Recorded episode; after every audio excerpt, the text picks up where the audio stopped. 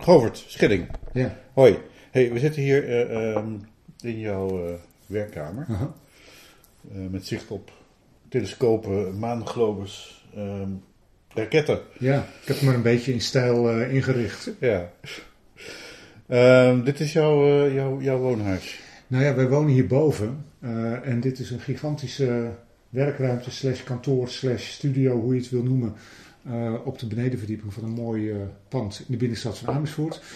Het is zo groot omdat hier lang geleden een zeefdrukkerij in heeft gezeten. Die heeft het helemaal uitgebreid en uitgebouwd naar achteren. En ik vind het heerlijk, want ik, eh, ja, ik kan hier dagenlang vertoeven en werken en zijn en mensen ontvangen. Ja. Ja. Hey, want mensen kennen jou, ehm, als ze de Volkskrant hebben, kennen ze je van de Volkskrant. De, je, bent, je bent daar sterrenverslaggever, om even zo te zeggen. Uh, Ja, ik, sterrenkunde reporter. Hoe Nou, ik schrijf, al, ik schrijf als freelancer voor de Volkskrant. Hè. Ik ben er niet Ja. in dienst, zoals Ja. sommige mensen denken.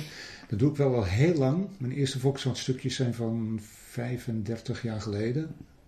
Ja, ik kan het ook bijna niet geloven, maar het is echt waar. Ja. Eh, maar ik, eh, het is niet dat ik nou altijd alles over de sterrenkunde doe. Ze hebben hele goede wetenschapsredacteuren daar in dienst.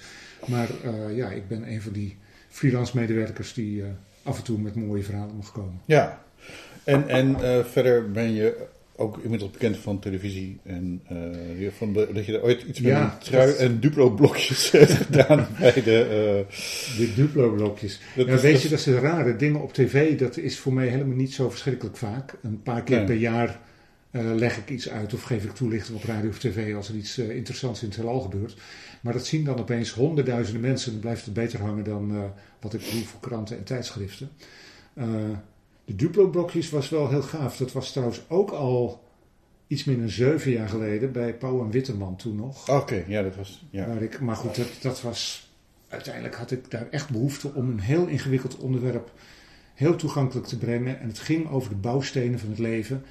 En ik heb die dag zitten nadenken van hoe kan ik dat nou doen? Hoe moet ik de bouwstenen van het leven eh toegankelijk... En toen dacht ik eens, natuurlijk, ik moet echte bouwstenen gebruiken. Dus ben ik hier naar de speelgoedwinkel gegaan en eh, dat werkte goed. En dat blijft dan wel hangen. Ja, maar dus ik, ik was net wel vergeten waar het over ging, Ja. maar ik wist toch wel Ja. dat het eh, om, om Duplo-blokjes ging.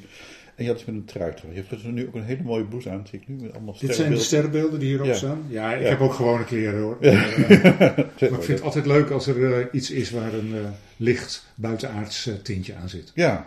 Hoe, hoe, hoe komt die fascinatie? Want we, we spreken elkaar nu, dat is misschien even goed om, om te zeggen, omdat je op het toneel staat. Mhm. Eh, je rapt zelfs, kan ik al. Nou ja, eh, rappen. Er zit een rap in, jawel, er zit een rap in. Dat is, dat is, een, eh, ehm, dat is een, toch een van de grote verrassingen van de voorstelling. Dat, dat je samen met Leonie Jansen, want dat is degene met Ja. wie je op het toneel staat. En een tournee van toch zeker een voorstelling of 30 volgens mij. 40, 40. 39 om precies te zijn. 40 voorstellingen eh, langs allerlei theaters in Nederland. Ja, ja. Van eh, eh, de Judushof in Wageningen. Wageningen tot Druten tot Maasluis. Ja, Amsterdam overal. we spelen door het hele land. Ja. tot half maart. Het is een heel verrassende voorstelling. Voor mij vooral, omdat het voor mij echt nieuw is. Ik heb altijd gezegd van eh, alles waarin ik mijn fascinatie en mijn interesse voor het heelal over kan brengen op andere mensen. Daar mag je me voor eh, wakker maken. Dat vind ik leuk om te doen. En dat betekent dat ik lezingen geef en dingen voor de media doe en boeken schrijf. Maar ook kinderboeken en eh, ja, gekke, gekke programma's en presentaties. Alles waarin ik dit kwijt kan, dat doe ik. Maar zo'n theatertour, dat stond nog niet op mijn lijstje. En dat ben ik nu net mee begonnen. En dat is voor mij natuurlijk heel nieuw. En Leonie Jansen is een geroutineerde zangeres die dit al haar hele leven zo'n beetje doet. En we spelen met eh, eh, twee muzikanten. Federa Kwant op eh, bas en Erik Rutjes op gitaar. En ja, die doen niet anders. Dat zijn podiumdieren, om het zo maar te zeggen. En ik sta wel vaak op een podium, maar dan is het voor een lezing, voor een zaaltje, waar je je publiek gewoon kan zien zitten en waar niks speciaals is met decoren en attributen en licht. En dat is wel heel anders, kan ik je vertellen. Hmm. Maar ontzettend leuk om te doen. Ja. Eh, eh, eh, hoe anders is het eigenlijk? Want ik bedoel, je, bedoel, je, bent, sommige mensen kennen jou nog vanuit het planetarium van Artis, Ja. geloof ik. Dat Ja, je daar ja, ooit. Daar heb ik heel lang gewerkt. ja. En daar werkten we natuurlijk ook met eh, grote audiovisuele shows, waarmee we bepaalde onderwerpen over het voetlicht brachten. En dat is natuurlijk heel passief. Dat is een beetje zoals, uh, ja, je maakt iets en dat draai je iedere keer opnieuw. Dat is als een bioscoopvoorstelling. Vond ik ook heel leuk om te doen. Um, maar dit is misschien meer te vergelijken met het, met het geven van een lezing, waar je de inhoud altijd hetzelfde is, maar waar je ja, de stijl en de vorm en de, uh, en de aanpak, die pas je een beetje aan aan je publiek of je doelgroep. Maar het grote verschil voor mij is dat, kijk, ik ben dus wel gewend om op een podium te staan en iets voor een publiek te doen. En dat is ook theater, hoe je het ook went of verkeerd. Maar een heel belangrijk verschil, dan zie ik mijn publiek ik moet er ontzettend aan wennen dat ik op een toneel sta. En dat er uh, misschien, uh, nou, zoals op de première afgelopen vrijdag in, in Flint, 360, 370 mensen in de zaal zitten. En ik zie een paar gezichten op de eerste rij. En verder heb ik niet dat visuele contact ja. met mijn publiek. Dat vind ik heel anders. En ook heel anders is natuurlijk dat, dat dit echt veel theatraler is. Door, door licht, door decor, door uitlichting, door uh, regie door, uh, ja, het wordt, komt alles veel, ja, heel anders binnen. Ik leer er veel van, omdat ik veel van de dingen die we hiermee doen, die neem ik natuurlijk ook mee naar lezingen. Ja. En ik, ja, daar ga ik niet zo uitgebreid mee aan de slag als het in een theatervoorstelling kan. Maar ja, het is een groot verschil. En natuurlijk heel essentieel verschil, en dat vind ik het leuke van deze voorstelling ik, ik heb jaren geleden gedacht van, god, moet ik niet ook eens een keer zo'n theatercollege tour gaan doen? Dat is ontzettend in de laatste tijd. Mensen die de hele avond praten over hun onderwerp en hun passie. Dat is er op een of andere manier nooit van gekomen. En misschien ook wel omdat sterrenkunde voor veel mensen een onderwerp is waar ze niet dagelijks mee in contact komen. En ik versta heus wel de kunst om het toegankelijk te brengen, zodat uh, iedereen dat verhaal heel goed kan volgen en het een mooi verhaal vindt. Maar je vraagt dan toch van je publiek om anderhalf uur lang te luisteren naar informatie die voor hen nieuw is. En dat is best een opgave. En wat we nu doen, is die afwisseling met die liedjes. Ja, ik vertel dingen waarvan mensen zeggen: Jezus, Mine, dat heb ik me nooit gerealiseerd. Wauw, is dat echt zo? En dan kunnen ze daar eventjes lekker over doorsudderen en mijmeren. Terwijl een heel mooi liedje gezongen wordt wat aansluit bij het thema. En daarna pakken we de draad weer op met het volgende. En het sluit mooi op elkaar aan.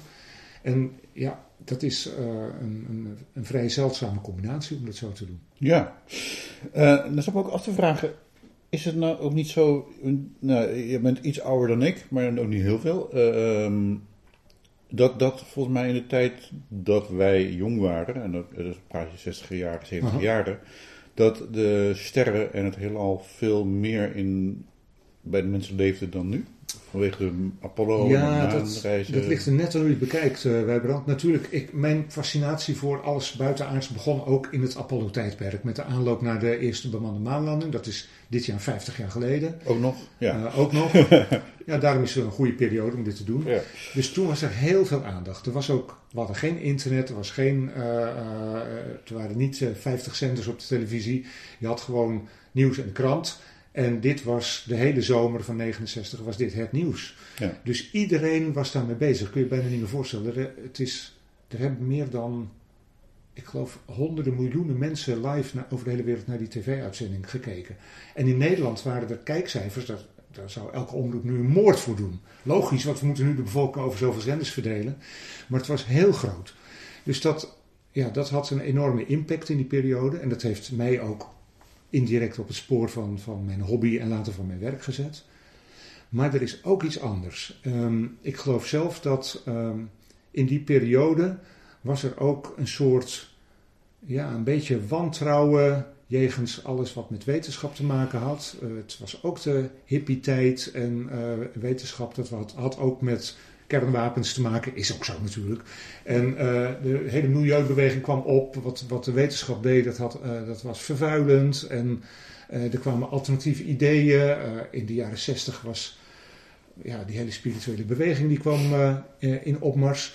Dus er was ook een soort wantrouwen tegen de wetenschap. En ik heb, ik heb het gevoel dat dat de laatste tijd wat minder aan het worden is. Dat mensen ook weer echt authentiek geïnteresseerd zijn in kennis. En misschien komt het wel gewoon doordat wij in zo'n kennissamenleving zitten en dat je ook niet meer zonder kan. Van alles moet je afvragen hoe zit het echt en hoe werkt het. En je kunt het je ook afvragen, je kunt ook makkelijk de antwoorden vinden. En en misschien is het ook zo dat door de makkelijke communicatie dat, uh, dat, ja, dat, dat dat eerder opvalt. Maar ik heb het gevoel dat er nu veel meer dan toen mensen die belangstelling voor dit soort dingen hebben. En niet dat ze nou net als ik daar hun hobby of hun werk van gaan maken. Maar wel uh, dat ze denken, ja, goh, dat, die kosmos, daar moet, ik iets, moet ik iets meer van weten. De, Hmm. We hebben, leven in een periode waarin, we, waarin heel veel mensen vinden dat ze van meer markten thuis zouden moeten zijn. Dus ik hoop dat, uh, dat die mensen allemaal naar onze show gaan komen. Ja, terwijl ondertussen ook de Flat Earth Society uh, dat is enorm groeien, ja. aan het groeien is. En ja, en de, en de astrologie ook weer een opmars ja. is. En er een heleboel, dat is ook waar. Dus net als in het meningencircuit is er ook in het kenniscircuit sprake van een tweedeling en een uh, polarisatie tussen de, uh, tussen de, ja, de complotdenkers en de, en de alternatieve theoriegelovers. Die zijn er ook heel veel. Ja, ja. Hey, in de voorstelling vertel je, vertellen jullie samen, jij en Leonie, hoe jullie elkaar gevonden hebben. Ja. Via een tweet. Via Twitter. Is, is, is, ja. is dat echt zo? Dat is of, echt of zo. is dat gewoon een romantisch Nee, wat jullie er... het is eh, allebei. Het is romantisch en het, en het is echt zo. Ja. Kijk, wij kenden elkaar wel. We hebben elkaar in het verre verleden ooit een keer ontmoet en gesproken. En natuurlijk weet je van elkaars bestaan. En uh, nou, om het nog maar even kort te herhalen. Zij kwam terug van een voorstelling in Leeuwarden. Ze woont ten zuiden van Alkmaar. Reed door Noord-Holland door de polder. Komt thuis en twittert van... Goh, we hadden een heerlijke avond op het theater. En op de terugweg zag ik in het westen Kaster en Polk staan. En ik zit s'avonds hier aan mijn bureau te werken. En ik zit naar mijn Twitter-timeline te kijken. En ik zie dat langs. Ik las eerst van eh, iemand ziet Kaster en Pollux. Uh, ik vond het heel gek. Want dat zijn wel twee opvallende sterren. Maar ik weet niet of jij ze aan de hemel zou kunnen ja, uh, vinden. Ja, ik ben ook een hobbyist. Maar dat, jij dan wel. ja, ja. Maar de meeste mensen niet. Nee. En toen dacht ik, Leonie Jansen, hoe kan die dat nou weten? Dus ik was gewoon benieuwd. Dus ik twitterde terug van, uh, goh, het klopt wel. Uh, maar uh, hoe weet jij dat? En zo raakten we aan de, aan de praat, tussen aanhalingstekens. En kort daarna speelde zij met de African Mama's hier in de Flint. En toen zei ze van, waarom kom je niet naar onze voorstelling? En dan drinken we een glas wijn na afloop. En toen ben ik nog een keer naar een voorstelling in het Beauforthuis in Austerlitz geweest.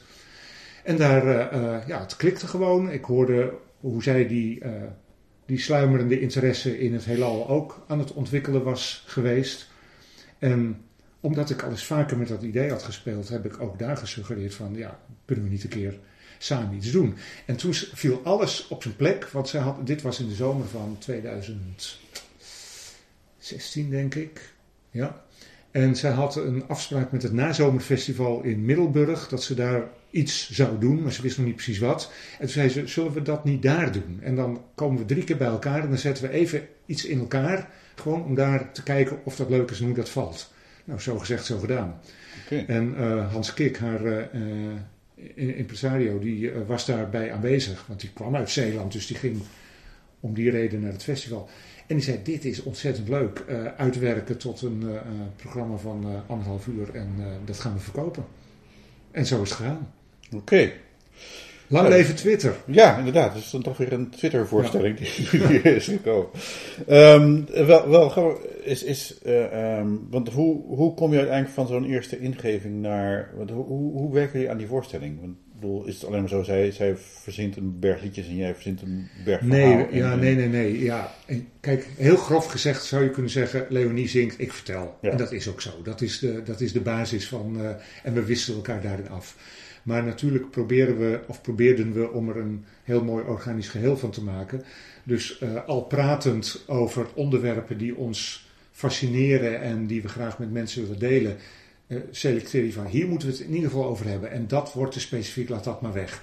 En misschien zit de, de focus van wat er verteld wordt, kwam misschien inderdaad grotendeels bij mij vandaan. Uh, dat, niet zo gek, want ik heb echt veel ervaring met dit soort dingen in, in het lezingencircuit vertellen op zich is het wat dat betreft ook voor mij niet zo heel anders. Het zijn dezelfde soort dingen die ik vertel. En met die liedjes, ja, dat was het heel grappig, want ik ben, ik ben zelf niet muzikaal. Ik speel geen instrument, ik kan niet zingen. Maar uh, als er iets op de radio is wat hierover gaat, valt het mij natuurlijk wel op. Uh, dus ik kende een heleboel van die titels wel. En daar heb ik ook met uh, Margreet, mijn echtgenote, over gepraat. Van, goh, heb jij nog ideeën? Dus we hadden, en Leonie kwam met een hele lijst. Dus we hadden tientallen nummers waarvan we dachten van, goh, wat kunnen we hiermee? Ja, nooit allemaal spelen. Dus dan ga je kijken, dat sluit wel heel mooi daaraan. Die is mooi, want daar denken mensen niet zo snel aan. Dus dat is iets heel origineels. oh die is wel heel gaaf, want qua sfeer klopt dat. Misschien is de link naar de sterrenkunde niet zo verschrikkelijk duidelijk, maar het hoeft niet altijd. En er waren ook nummers bij uh, waar ik mee kwam. En waarvan Leonie zei, oh dat vind ik echt een vreselijk nummer, dat ga ik niet zingen hoor. Nou ja, klaar, gaan we Ja. dus niet doen. Of een nummer waarvan zij met haar muzikale achtergrond zei van ja, weet je, ik vind echt dit past niet in de sfeer van het programma. Of dit is te ingewikkeld. En dan denk ik, oké, die doen we dan niet. Ja. En, eh, dus dat hebben we wel samen gedaan. Het enige nummer waarvan ik echt heb gezegd, die moet erin, dat is eh, Woodstock, van, oorspronkelijk van Joni Mitchell. En beroemd geworden natuurlijk door Crosby, Stills, Nash Young. Omdat dat heel letterlijk zegt, we are stardust, we are billion year old carbon. En dat is uiteindelijk toch de slotboodschap van mijn verhaal. Dat wij letterlijk uit sterrenstof bestaan. Dat de koolstofatomen in ons lichaam miljarden jaren oud zijn en uit de kosmos afkomstig zijn. En ja, ik dacht, dat, dat moet, dat mag niet ontbreken. Hmm. En ik moet zeggen, het is heerlijk om op zo'n theatervloer te staan en dat programma te doen met al die mensen die er allemaal aandacht aan besteden, decor en licht, die muzikant eh, Leonie die het zingt, en dat ik daarnaar luister en denk, wat een zegen dat, dat je zoiets moois vaak hebt mogen vertellen en dat het nu in combinatie met dat nummer echt hier ten uitvoering wordt gebracht. Het is, het is wel heel bijzonder. Ja. Nou, d- daar, daar moest ik ook wel aan denken toen ik die voorstelling zag. eh, lo- los van het feit dat ik het wel heel jammer vond dat eh, eh, David Bowie in een medley zat. Ja, iedereen vindt dingen jammer. Ja. dat, is, eh, dat, dat vergeef ik jullie dan bij deze. Ehm, de, de, jij, jij kiest wel een bepaald soort lijn in je verhaal. Eh, eh, die, die, die gaat volgens Ja. mij naar, naar ehm, behalve dat je de hele tijd eh, dingen uitlegt. Ja, ja, ja. Dus dat, dat, dat, dat Leonie een beetje, nou, ik leg het nu iets te plat uit, maar de, de romantische, Mhm. poëtische beschouwing doet. En jij zegt, ja, maar het is eigenlijk gewoon dat en dat. En dat, dat het volgens wel uitkomt naar. Eh, ehm, dat, we allemaal heel erg, dat alles heel erg nietig is. Dat, dat, dat, Ja. je, je gaat enorm over schaal, eh, tijdschaal, over Ja, ja, afstandsschaal. eh, dus Ja, ik denk dat, dat, dat, dat zeg je goed. Die rode lijn die erin zit, dat is wel dit. Natuurlijk maken we allerlei uitstapjes, omdat het gewoon leuk is om over dingen wat meer te horen. Dus ik heb het over meteorieten en het gaat over hoe onze kalender op de sterren helemaal gebaseerd is. En speuren naar buitenaards leven komt erin aan bod. Dus al die dingen die zitten erin. Maar de hoofdmoot is eigenlijk een, een, een drieslag. En het is dat ik, dat ik vertel hoe klein onze plaats in de ruimte is. En dan moet je mensen vertellen hoe enorm uitgestrekt die kosmos is. En dat doe je met wat mooie voorbeelden. En dat, dat, nou, ik hoop dat dat in de komende tijd nog steeds sterker en krachtiger gaat worden. En in het tweede verhaal vertel ik hoe nietig we zijn in de geschiedenis van het heelal. Dat als je 14 miljard jaar kosmische geschiedenis hebt, dat is onze soort Homo sapiens echt de laatste oogwenk. Dus wij stellen niks voor in ruimte en tijd. En we hebben het ook over hoe ongastvrij het heelal is. Dus hoe, ja, wat voor gevaren er uit de kosmos komen. Hoe uh, onleefbaar andere planeten in ons eigen zonnestelsel zijn. En al die dingen kunnen bij mensen een gevoel oproepen van... Uh, dit is, ik wil er eigenlijk niks van weten, want ik stel niks voor en het is eng en uh, je kunt je er ook ongemakkelijk bij voelen. Maar in dat slotverhaal maak ik die link naar, naar, dat, uh, naar die inhoud van Woodstock over het sterrenstof. En als je dan weet dat die hele kosmische geschiedenis nodig is geweest om de atomen en de elementen te fabriceren waar wij uit bestaan. En dat wij weliswaar klein zijn, maar een echt integraal onderdeel van het grote geheel. Dan hoop ik dat mensen naar huis gaan met het idee van: goh, dat heelal, dat hele mooie, wonderlijke, tot de verbazing sprekende heelal, dat, daar horen wij echt bij. Daar maken wij deel van uit. En dat je niet meer zo onbeduidend voelt, maar onderdeel van een heel groot mooi iets. En dat, die laatste, dat hoef ik niet meer zo, zo nadrukkelijk te, te uh, verwoorden. Maar ik, ik mag hopen dat mensen met dat bijzondere gevoel naar huis gaan. Maar dat is de, de rode lijn die erin zit. Ja, ja. Ik, ik, kwam, ik kwam ook met iets van troost naar buiten. Dus, dus Ja. dat, is, dat is mooi. Ook omdat ik. Uh, maar goed, dat is misschien iets wat, wat Leonie misschien zou moeten beantwoorden. Maar uh, uh, om, omdat zij ook in die eindfase mm -hmm. vertelt, bijna terloops, dat haar man Ja. twee, drie jaar geleden is overleden. En dat hij haar juist zeg maar, invoerde in al het sterkunde. En zeg maar niet dat jij een soort, soort vervanging bent hè, voor, Nee, voor de rol. Maar, maar dus dat het wel zo is Dat je eigenlijk via die uh, mm sterrenkunde naar een soort persoonlijke troost Ja. zou komen. En dat is denk ik ook heel terecht en dat werkt voor veel mensen. En op de een of andere manier kan ik, ja, ik kan me daar heel goed bij voorstellen. We krijgen daar ook veel reacties natuurlijk. Alle mensen maken allemaal vreselijke dingen in hun leven mee en die horen dit aan en, en passen dat op hun eigen manier, leggen ze dat over hun eigen levensverhaal of over het eigen verlies wat ze hebben doorstaan. En dan kan die, ja, dat, dat ingebed liggen in dat grotere geheel, dat kan een heel mooi troostrijke gedachte zijn. En ik, ja, dat kun je op verschillende manieren doen. De ene zegt van, goh, hè, zoals, zoals de eh, overleden man van Leonie dat beschreef vlak voordat hij eh, afscheid van iedereen moest nemen van sterrenstof, zijt gij tot sterrenstof, zult gij wederkeren. Dat is het. En de ene zegt van, ah, dat is eigenlijk een bijna een reïncarnatiegevoel. Dat Hmm. de atomen van mijn lichaam later... Nou, fijn als je dat zo ziet. Eh, voor de ander werkt dat op een hele andere manier. En werkt dat op een, op een manier van, goh, jezelf deel voelen van, van die grote eh, uitgestrekte wereld van ruimte en tijd. Voor mij werkt het ook weer op een andere manier. Ik heb ooit eh, gelezen van een, een, een Belgische astronoom en filosoof. Die zei van ja, natuurlijk is er in die zin leven na de dood. Dat je ruimte en tijd als één geheel van vier dimensies moet zien. En daar is het verleden net zo reëel in, in dat geheel, als het heden en de toekomst. En jij bent gewoon onderdeel van dat grote geheel. En dat vind ik zelf weer een hele mooie gedachte. Maar wat altijd zo is, is dat als je in je leven, in je dagelijks leven geconfronteerd wordt met vragen over eindigheid en sterfelijkheid of het verlies van dierbaren, dan is er heel vaak die associatie met die grote kosmos. Hm. En ehm, iedereen doet dat op zijn eigen manier. En daar ja, geven wij misschien eh, wat, eh, ja, reiken wij misschien wat voor aan. En dat zou mooi zijn als dat eh, ook op die manier kan werken. Maar het is waar, ehm, in die zin is een gewoon theatercollege zou misschien van mij meer feitelijk en nuchter en zakelijk zijn geweest. Hoewel ik dit soort zijwegen helemaal niet per se ontwijk of zo. Maar ook door die emotionele lading van liedjes erin, wordt het uiteindelijk veel meer een, een gevoelskwestie. En Ja. dat vind ik wel mooi. Ehm, kijk, in het begin, dat, dat, eh, bij het, een van de eerste liedjes, daar eh, begin ik een beetje te sikkeneuren over dat het allemaal eh, niet klopt wat er gezongen wordt en dat het wetenschappelijk anders Ja, zit. ja, dat, En dan gaan mensen misschien denken, oh, dit is de toon van, nerd. eh, van hoe dat gaat. maar eh, ja, misschien is het mooi om te zien eh, dat je daar ook, eh, dat je dat los kan laten en dat je mee kan gaan in, in die meer emotioneel beladen wereld.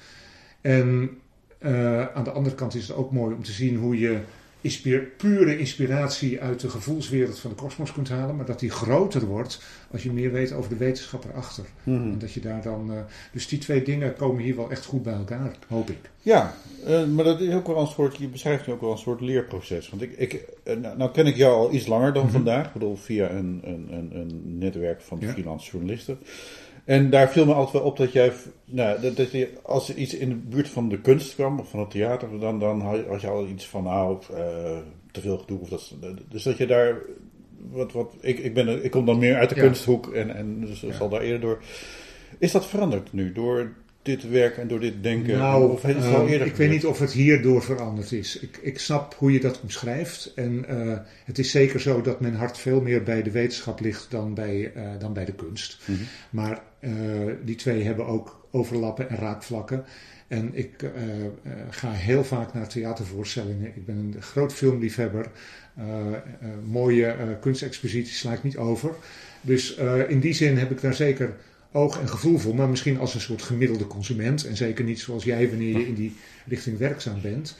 Eh, dus daar is bij mij wel wat veranderd. Maar dat is een verandering die heeft zich al over een veel langere periode Mhm. voltrokken. Ik denk dat toen ik 25 of 30 was of zo, eh, ja, dan kon ik eh, flauwe opmerkingen maken over, eh, over kunstenaars en theater. Dat, dat, dat heb ik al heel lang een beetje, ja, ben ik daar wel meer open voor gestaan. Ik denk dat je het eerder andersom kan zeggen. Een voorstel als dit zou ik niet hebben kunnen maken als ik niet eh, een interesse had en een open stond voor dit soort aspecten. Ja. 30 jaar geleden zou ik hiervan hebben gezegd, nou dat is wel heel raar, wat moeten die liedjes nou in een voorstelling over sterrenkunde? Mhm. Dus het is meer dat, dat mijn geleidelijke eh, verandering in mijn, ja, in mijn eigen persoon, dat dat de mogelijkheid heeft geschapen om dit te gaan doen. Het is niet dat we nou afgelopen jaar dat ik opeens uh, de schellen van de ogen zijn gevallen. Nee, nee. Die waren er eigenlijk Oké, okay, ja, ja. Ja, want het is natuurlijk wel zo dat, dat, dat, dat uh, zo'n theaterproductie, uh, dat is een hoop houtje touwtje werk volgens mij. Het is, Ja. het is, je bent een busje langs theaters reizen. Ik geloof Nee, we hebben helemaal geen geld voor een busje, joh. We Nee, ooit- allemaal eh, met onze eigen auto's. Ja, dat is misschien toch wel, ik weet niet terrein. hoe ver we daar, maar, maar, maar dat, dat, dat veel mensen nog wel soms het idee hebben dat theater, oh, weet je wel, dan stroomt dat geld binnen en kijk al die ja. kaartjes enzovoort. Maar volgens mij, het, het is echt sappelen, hè? Nou, ik, ik ben niet jaloers op de mensen die hier eh, hun, eh, hun inkomen mee moeten vergaren. Want het is heel hard werken voor een. een eh, ja, voor een ik, ik ben niet ontevreden over wat dit oplevert hoor. Maar eh, ja, ik ben ook ontzettend blij dat ik daarnaast gewoon met mijn reguliere werk, schrijven van artikelen, produceren van boeken, eh, al dat soort dingen, dat ik daar een soort basisinkomen al jarenlang mee verdien. Als ik het hiermee zou doen, dan zou ik het heel zwaar vinden. Want je, eh, je bent. Het is niet dat je eventjes s'avonds twee uur op toneel staat en dat was het dan. Eh, je bent er vanaf smiddags mee bezig. Je bent diep in de nacht ben je weer thuis. Dus de volgende ochtend sta je niet om half acht weer vrolijk eh, onder de douche. Eh, dus het is gewoon een dagtaak. En dat merk ik nu ook. Inclusief reistijd. Je moet overal naartoe. Eén zo'n voorstelling kost mij gewoon een werkdag. Acht uur ben ik ermee kwijt. Ja. In de vier uur stap ik hier in de auto om ergens heen te gaan. Half vier, vier uur. En voor middernacht ben ik niet, ben ik niet thuis. En Ja. vaak wordt het later. Ehm, ja, wat moet ik ervan zeggen? Eh, dit is natuurlijk een relatief kleine voorstelling. Kijk, als je Jochem Meijer bent en je staat eh 50 keer in uitverkocht carré... dan denk ik dat je eh, eh, heel blij bent Ja. en je boekhouder ook heel blij Ja. is. Nou, dat hebben wij niet. Eh, en er zitten heel veel onkosten aan. Eh, de technicus die werkt zich uit de naad. Die steekt nog veel meer tijd in. Elk theater moet hij weer alles uitregelen, instellen, overleggen. Eh, we toeren met z'n vieren. Dus er moeten vier mensen van eh, betaald worden. En je hebt alle eh, eenmalige kosten van decorontwerp en lichtontwerp. Eh, dat moet allemaal uitgesmeerd worden over. eh. Ehm, ja, voor mij is dan weer het grote voordeel. Voor, mij is het allemaal nieuw, hè. Ik ben met mijn werk gewend dat ik elk klusje moet je weer eventjes voor overleggen. En ik weet wat ik de komende week doe en wat het oplevert. Maar ik weet niet hoe dat er over drie weken uitziet. En dan moeten er allemaal nieuwe dingen komen. En dat vind ik hier wel lekker. Eh, van tevoren wist ik van oké jongens, van begin januari tot half maart kan ik heel weinig andere dingen doen. Maar ik weet wel wat dat in die periode aan omzet oplevert. En puur zakelijk gezien vind ik dit een hele leuke ja. eh, aanvulling op mijn normale werk.